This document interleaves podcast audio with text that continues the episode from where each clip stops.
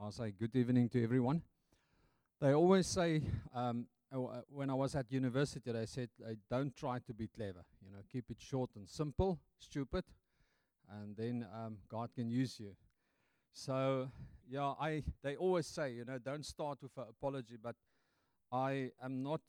Um, if I make a few mistakes, uh, mis- mistakes while I'm speaking, my English is not so good but I'll try my very best, and hopefully you you will walk out here and you'll get the message. Um, as a matter of fact, I don't know what t- what do I want to speak to you about. I cannot put a theme on my message to you tonight, but I, what I do know is that it's very ex- extremely important what I want to say to you, and I want you to I want to take you to Luke 22. And this is uh, a message about the crucifixion of Jesus Christ and also the, the time just before his death. And um, I've been working on this thought the whole week, thinking about this, meditating on, on this. And I thought, my thought was to speak about this this morning, but I didn't feel quite comfortable and ready with this mes- message yet. So I thought I'll, I, will bring this tonight. I'll bring it to you tonight, but this is not the, me- uh, the message. I just want to share with you an idea, and we're going to develop this further. So just close your eyes with me for a, for a moment. Um, Father, I pray that you will use me as an instrument in your hands so that it's not my will, but your will be done. And I pray that your that you, God, that you will make your word, that your word will become a living testimony tonight in the name of Jesus. Amen. Okay, um, if I look at Jesus' life, I clearly see that Jesus went through a lot of trials and tribulations. He was, he was damaged, he was hurt, he was spit on, he was sweared at, he was hit and eventually was crucified. And I want you to look at these passages. I'm not going to read through everything because I'm going to go through about two chapters. And there's a lot of heavy information in these chapters. But I want to share with you the idea that's behind all this pain and turmoil Jesus went through. Because I realize that a lot of us in our lives, we go through trials and turmoil, and we go through hurt and agony, and we, we question God all the time about our situation in life. And I came to discover that sometimes God's not really interested in changing my circumstances right at that specific point. He's more in the business of developing my character. So I need to ask myself constantly in my circumstances, instead of asking God the whole time about when He's going to change my circumstances, when I will receive an income, when I will get healed, and all this, instead of asking Him all these questions and start to blame Him for not, for not fulfilling these th- things in my life, I need to ask myself, what is the challenge my situation imposing on me? How is this situation going to challenge my character? Because that is where God's focus is, is on my character. And there's specific things that needs to change in my character because if my character develops the way God wants it to develop, he will use me much more freely. And that's my prayer and that's my passion is that eventually God will use me wherever I can be helpful in his kingdom. Now, I've been through a difficult time in the in the last two, three years. Very, very difficult time. And I thought about this passage because it describes my life the best. And I thought I want to I want to share this with you, and hopefully, when you walk out here tonight, you will take something about this with you. Now, as I've said, I'm not going to read through everything, but I just want to sketch the circumstances before the death of Jesus, before the crucifixion. And listen to what the Bible says. And I'm, yeah, I apologize, but I just want to switch my eyes quickly. Otherwise, I might read the wrong parts here. Right, there we go. Looks much better from here. Now, in Luke 22, it says then in the, uh, uh, in the NIV Bible, the New International Version, that the heading there says Judas agrees to betray Jesus. So that's where everything starts. Now, i am just going to highlight some of the parts here. So if you follow in your Bible, you can highlight these same sections because they only describe everything that happens to Jesus. Now, first of all, in chapter 22, verse 2, it says there, And the chief priests and the teachers of the law were looking for some way to get rid of Jesus. Now, let's stop there for a while. We are talking about people that's been preaching the Old Testament, the Torah. They, they, are, they are church people. They are church people. And the Bible says these guys, they were finding, they were looking for ways to get rid of Jesus Christ. And then the Bible says in verse 3, it says there, and then Satan entered Judas, called the Iscariot, one of the twelve. The Bible says he was one of the twelve. Now remember, everything in the Bible is inspired by the Holy Spirit. And he said there that Judas was one of the twelve. In other words, he had a very specific and a very close relationship with Jesus, one of his friends, one of the twelve. And the, the Satan entered his life. In other words, he opened himself up to be used by Satan.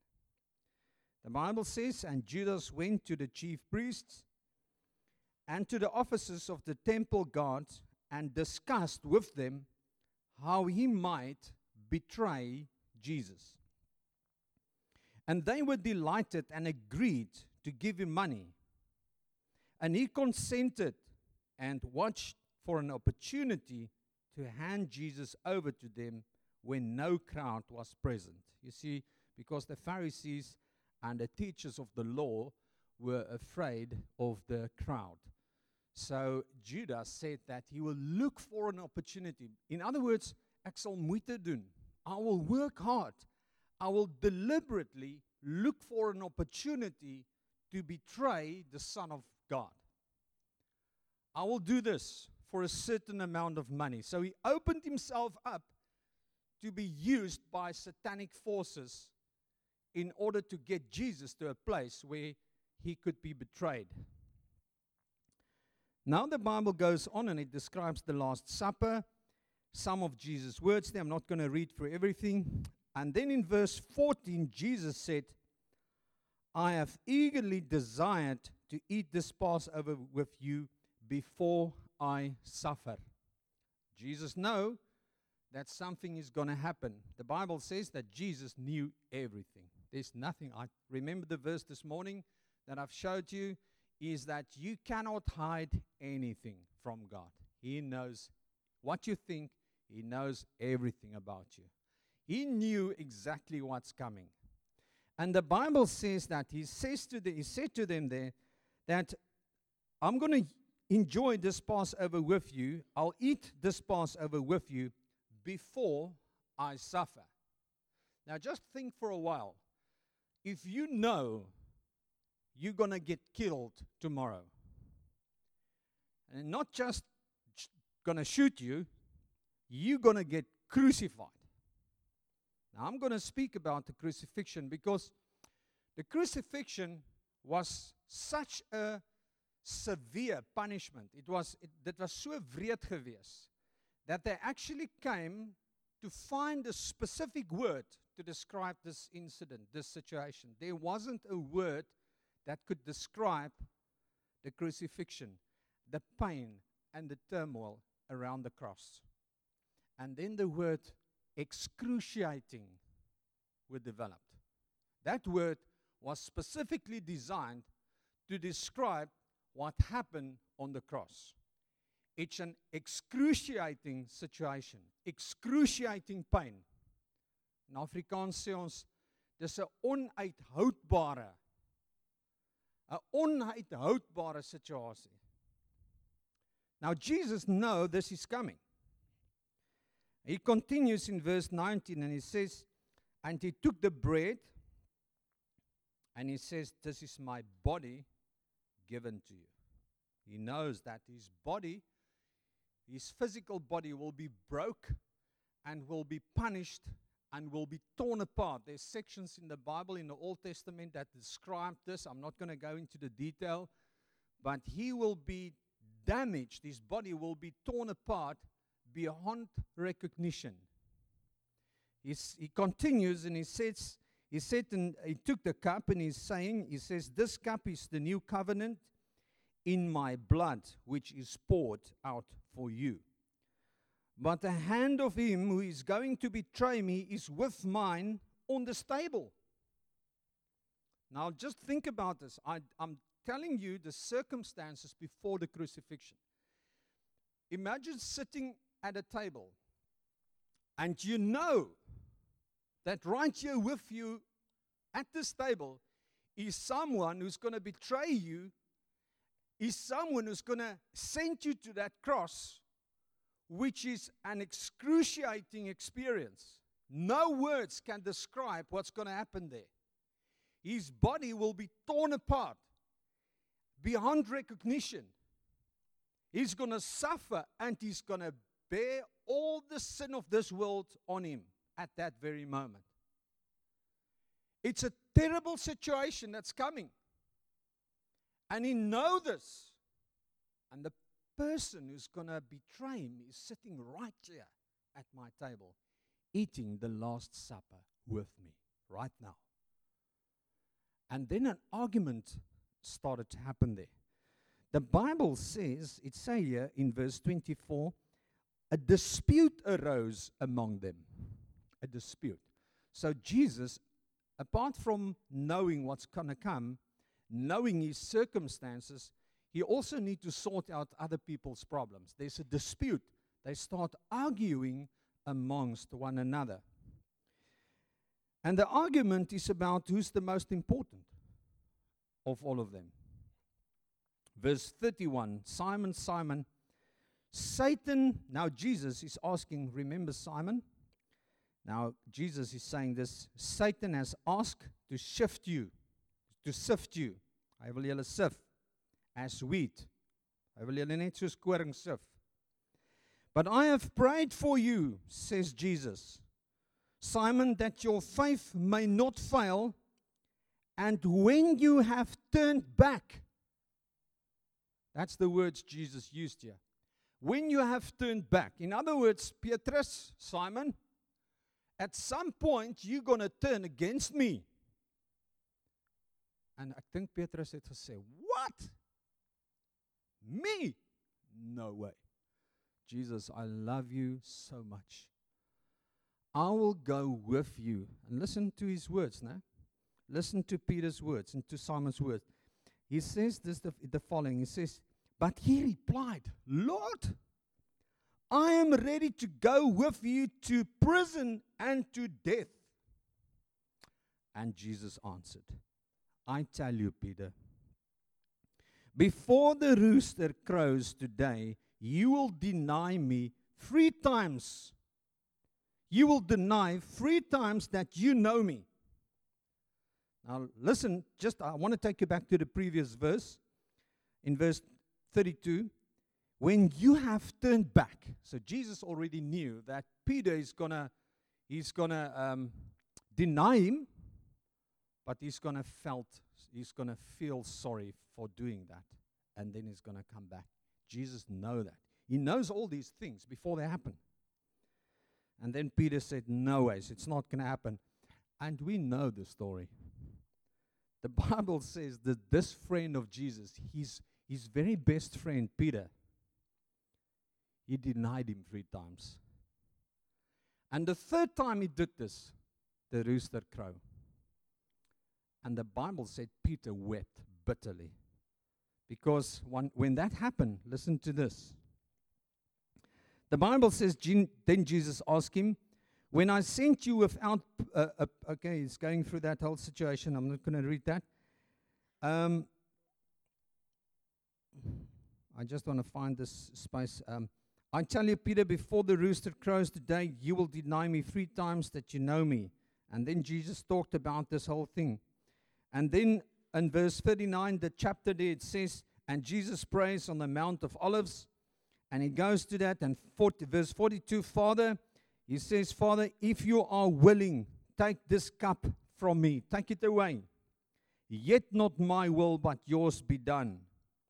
An angel from heaven appeared to him and strengthened him.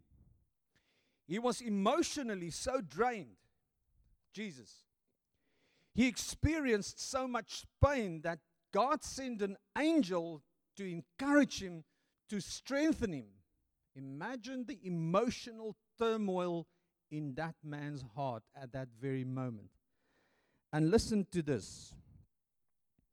Verse 43 An angel from heaven appeared to him and strengthened him. And verse 42 And being in anguish, he prayed more earnestly, and his sweat was like drops of blood falling on the ground. Now, the Bible uses a word agony in the King James Version. The Greek word that used to translate the word agony is only used once in the New Testament and it's only used in this specific area. No other word could be used to describe the emotions and the emotional turmoil and pain Jesus experienced at this very moment. He is in agony, emotional turmoil.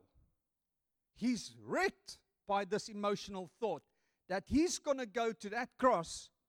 His body is going to be is ripped apart. His clothes is going to be distributed among the people. He's going to be he's going hy gaan gemartel word. Letterlik tot die dood gemartel word. And he knew exactly what's coming. He knew that. Imagine the stress, the worry, imagine the thoughts that's actually haunting him. He's in agony in such a way that his sweat is becoming like blood. I actually went to do an investigation. There's a term for this when the blood vessels uh, in your under your skin burst, and then your blood mixed with your sh- sweat, and it's really it, it really can happen. So this is what's happening here. So Jesus is in agony. And then listen to this. Verse 47 Jesus is arrested. While he was still speaking, a crowd came to him. Now, this is not the crowd that used to follow Jesus. And the man who was called Judas, one of the twelve, notice that he always say one of the twelve because he they had a special position close to Jesus.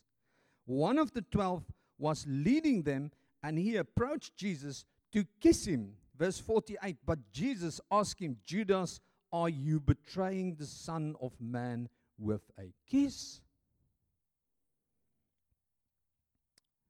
I don't want to know the answer to that question. But anyway, verse 52 say the following then Jesus said to the chief priest, remember there's a fight broke out there. I don't want to go through all that detail. I just want to go through this quickly. And it says here, I am leading a rebellion. He's blamed, they blame him. I am leading a rebellion that you have come with swords and clubs. Is this the kind of man, the way you see me? Verse 53 Every day I was with you in the temple courts, and you did not lay a hand on me. But this is your hour. And listen to this when darkness ruins, reigns, when darkness reigns. And this is where Peter comes in the next few verses. They seize him and they led him away. In other words, his freedom to choose was taken away from him now. Apart from the agony that he experienced up to this point, his freedom is, taking away, is taken away from him. Everything that possibly can go wrong is going wrong now. They're taking him away. They're taking him away, and he's gonna. He's, this whole process is gonna start now. And then the Bible say a servant girl saw Peter, saw him seated there in the firelight, and she looked closely at him and said, "This man was with him." Listen to Peter, but he denied it. And he did this three times. And after the third time, the, the, ro- the, the rooster actually crowed. And then listen to this verse, verse 61. And the Lord turned and looked straight at Peter. Now, just imagine this for a while. You betray God. Imagine Peter's situation. He's frightened, he's scared. This is becoming a reality. The agony is becoming a reality. This is going to happen. His body is going to be torn apart. His blood is going to shed. He's going to go to the cross. They're going to kill him. And Peter say, sorry, I, I don't know that guy. No, I have seen you. No, no, no, you make a mistake. No, I've seen you. No, man, you are wrong. And the third time, he, he, uh, uh, he actually uh, um, avoided the, the, that, um, let me get this straight. He, he actually neglected the fact that he know Jesus, the rooster crow, and Jesus looked at him. Now imagine that look for a moment when Jesus turned around and looked at Peter for that moment. And Peter looked at Jesus for that moment. And then he realized what he did. And he remembered what Jesus said about that, that um, rooster. The Bible says that the guards mocked Jesus. They began mocking him and beating him. They blindfolded him and demanded him to prophesy when they hit him to say who hit him.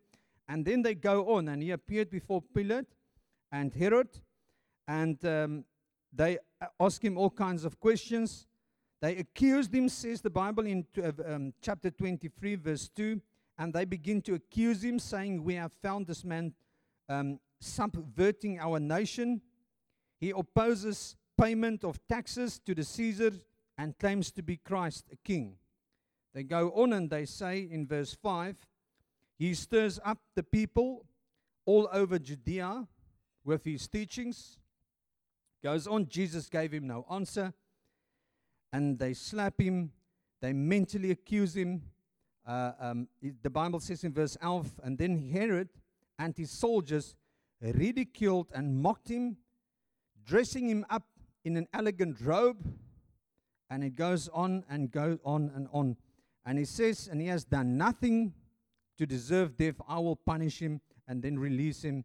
And the Bible says, with one voice, the crowd cried out, Away with this man! Crucify him, crucify him. Give us Barnabas, give us the murderer. I will have him punished, says um, Herod and Pil- um, Pilatus. No? But with, with loud shouts, they insistently demanded that he be crucified, and their shouts prevailed. And Pilate, if you see that to verse 24, um, for, in, uh, for um, he actually surrendered Jesus to their will, and then the crucifixion. At the, cru- at the cross, something else happened there. There was uh, two people. We remember the story there. I'm not going to go through this. And Jesus died on the cross. But I want to take you to a specific incident right here on the cross.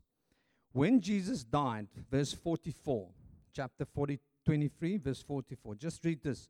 It was now about six, the sixth hour. It was about 12 o'clock.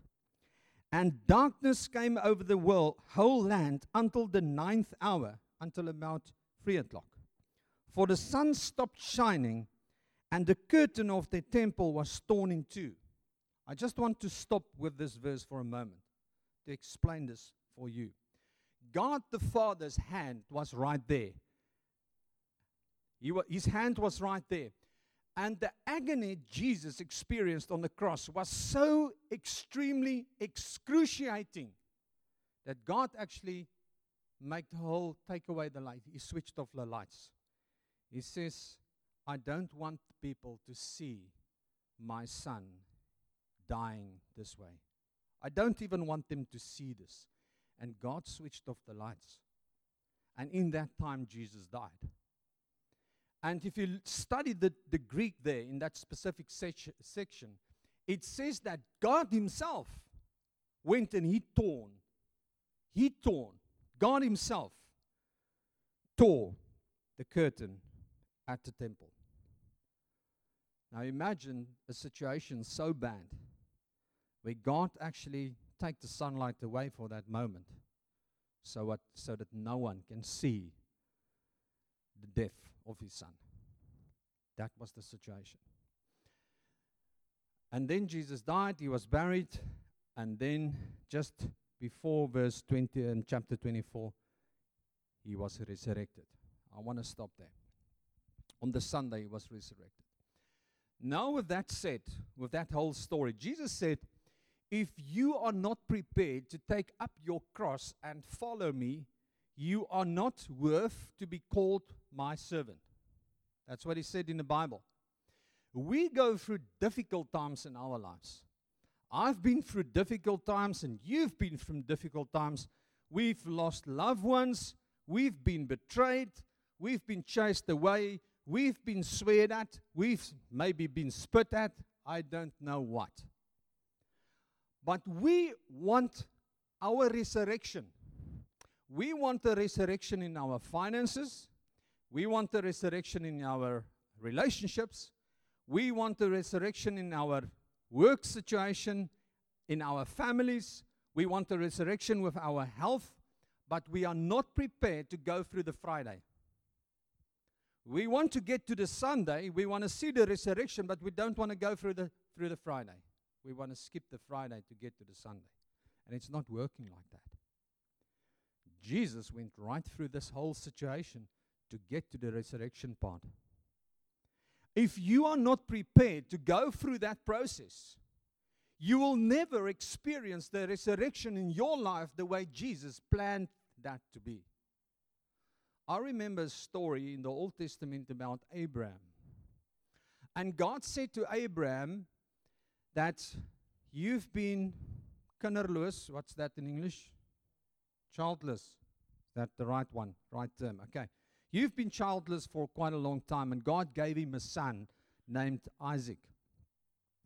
And one day God said to Abraham, You must take your only son, Isaac, and you must take him up the mountain, you must offer him. Go and cut him, cut him up, cut him, kill him, and then burn him, and that will be your offer, and then I'll know you love me. Now imagine that for a moment.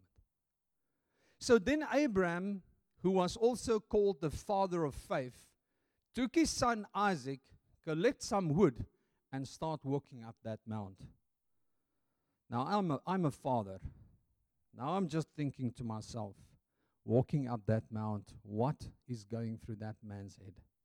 He knows what's going to happen up there. He knows that right up there, I'm going to take my son, my only son, whom I love so much, and I'm going to take this knife on my side and I'm going to cut his body open and I'm going to burn him on a pile of rocks. And that would be my offer to God. Can you imagine the agony in his heart? As he walked up that mountain, what he didn't see was what's on the other side. And I've actually had a sermon on this called The Mountain of God's Perspective. So as Abram walked up this hill, I just think that as he get closer to the top, he actually start walking slower, climb slower. Uh, God, where's the answer? God, what's going to happen? Do I really need to kill my son? And he's walking up this mountain and he's walking slower, trying to get some time, win some time. Please, God, not my son.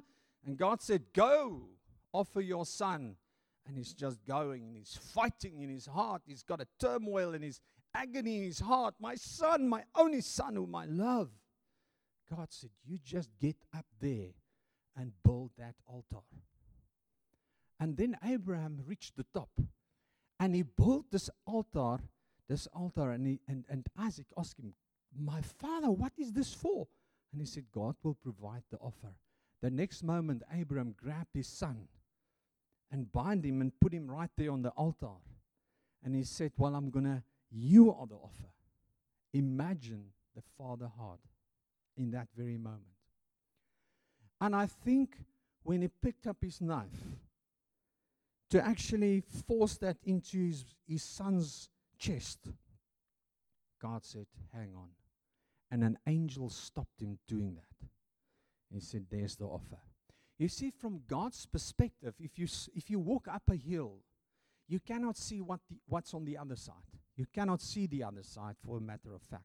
You can only see the top.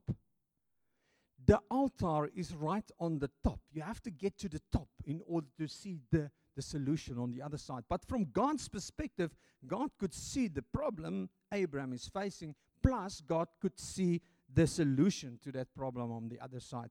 Abraham could not see that. Abraham could only see the altar. You see, sometimes God wants to take you to the altar in your life, whatever that might be. It might be a difficult situation in your life. You might be in agony right now at this very moment, suffering emotionally about something that happened in your life. I don't know what that is. And maybe God is not going to change that circumstances. Maybe He's not going to change that because you haven't reached the top. You haven't reached that altar yet. You have to trust God. You have to believe that God will help you once you get to that top. But you know what? He's more interested in shaping your character than to get to give you the solutions that you are asking for. Jesus also go through he went through all this. He went through the suffering, through the agony and pain, through the excruciating pain of the cross in order to get to the resurrection. Who am I to expect God to take away all my challenges and just give me everything I need right now? Allow Him to change your character. Go up that hill step by step and trust that God will give you at the right time. He would actually reveal to you the plan. It will not come easy. And I hope I don't discourage you with this message, but I want to encourage you with this that He will provide the solution to the turmoil that you are experiencing in your, in your heart and in your mind or in your body right now. He will get you to that point where He will reveal the solution. There will be a resurrection, but you need to go through the crucifixion. That's the hard part. That's the time where you really, really need to dig deep for your faith. You really need to go deep and find God, please reveal your will for my life. And sometimes that will doesn't look so good to you because it involves betrayal. Sometimes it involves that your friends will turn their back on you. Sometimes they involve emotional turmoil and agony. But you have to go through that. And by the power of the Holy Spirit, it will bring you to a place where God will provide the offer. You just get up to that altar. You just do what God say you must do and you don't turn back. Imagine if Abraham turned around and he said, I cannot do it. What would that it would rip away all the faith in his life. But because he walked right up to that mountain, that at that very moment, his faith was reborn. God provided the offer, and his son was saved. Now, I want to encourage you tonight. Let's say, for example, there's a car that I need to pick up, okay? I'm very strong, I'm a big guy, so I'm going to pick up, there's nothing big that I want to pick up now. But let's say there's a car that's right here in front of me. I'm gonna I'm gonna pick up this car because someone said to me, Etienne, you have to pick this car up and you have to overturn this thing. So I'm start to picking up this thing. I'm, I'm actually gathering all my strength and I start to pick up. Now there's a lot of forces that's working against me. The force of gravity, for example, is working against me. I'm struggling to pick up this heavy piece of metal. And I'm fighting this and I'm fighting this, and eventually I get this, and eventually I reach a point. It's called the tipping point. It's right there at that very moment where this thing is so light I can just push it over with my finger. And then everything that worked against me is now working for me. Do you get my point? The tipping point. Sometimes you need to fight hard to get to that tipping point in your life. But once you get there, everything that worked against you will work for you. And God will reveal to you the next step in your spiritual growth. Don't give up now. Don't stop halfway. Don't stop when the times is getting tough and you start fighting God because of all this resistance that you experience in your life. I've just read to you through that chapters what Jesus went through the betrayal, the, the, everything that happened to him, the abuse. He didn't stop. He could turn around at any time, but he didn't. He pushed hard until he went he came to the tipping point. And the Bible said the following. Actually, I'm not going to read this. I'm just going to say this. The people around the cross, when he died, the people said, Really, that was the Son of God. The tipping point. There will be a tipping point in your life. But you cannot give up halfway. You cannot stop now. You have to push through. What you need to ask God for is not for answers to your questions, because those answers will only change the questions again. And you'll sit with an, a lot of new questions. And as soon as you find the answers to those questions, there will be new questions to be answered. Instead of fighting for answers your whole life, why not just stop and ask God, help me to change my character and push right to the top. To get to the altar is difficult. It's a difficult road. It's a Via Dolorosa. It's an offering. It takes a lot from you. But eventually it will reach the tipping point as long as you don't give up. So don't give up. Fight and change your heart along the way. Because if you do, there will be a resurrection in your finances, there will be a resurrection in your health, there will be a resurrection in your relationships, in your work, in your passions, in your life. You will reach the tipping point. The testimony of Jesus the work of the Holy Spirit, the power and everything, the church, everything started once he reached the tipping point.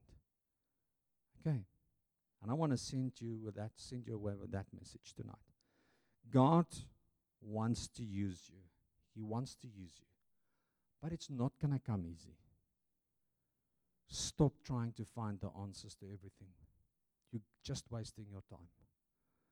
St- rather ask God to change your heart in that process. That's going to be of much more value to you, I promise you that. Okay? Do you agree? Praise God. Any questions? Anyone? Question? It's, it's a very valid question. The question is if God expects Abraham to, to offer his son, is that what the loving God does? Well, remember this that God knew exactly what's going to happen. He knew. He knew that Abraham would walk the way and he would do that. God knew that there would be an offer. But I do agree that honestly, if God would ask me, Etienne, would, would I do that to my child? I, I won't do it. That's why I will never be called the father of faith. I think that's why he's, he's called the father of faith. But God knew that he would challenge that man because he wants to teach us something about, about faith, maybe. Maybe he wants to teach us something about the challenges in life. I don't know. I wish I had all the answers, but I don't. I just know from my experience that sometimes I just don't have the answer. And no matter how hard I prayed, I don't move. My prayers don't change God. Um, sometimes they say you must fast and pray. But you know, fasting doesn't change God, it's changing you. Sometimes my prayers change me more than it's changed God. God cannot be changed by who I am and my requests. I'm the one who's supposed to change. And the challenges needs to change me. One day I will ask God a lot of questions. One of my friends, and I want to kind of try and answer that question. Um, one of my friends, Quibus Ice in Bredasdorp, his little girl was five year old. Hulle was vriende met my dogtertjie, omtrent dieselfde ouderdom. And they were living on a farm just outside Bredasdorp. Marguerite, that was the girl's name.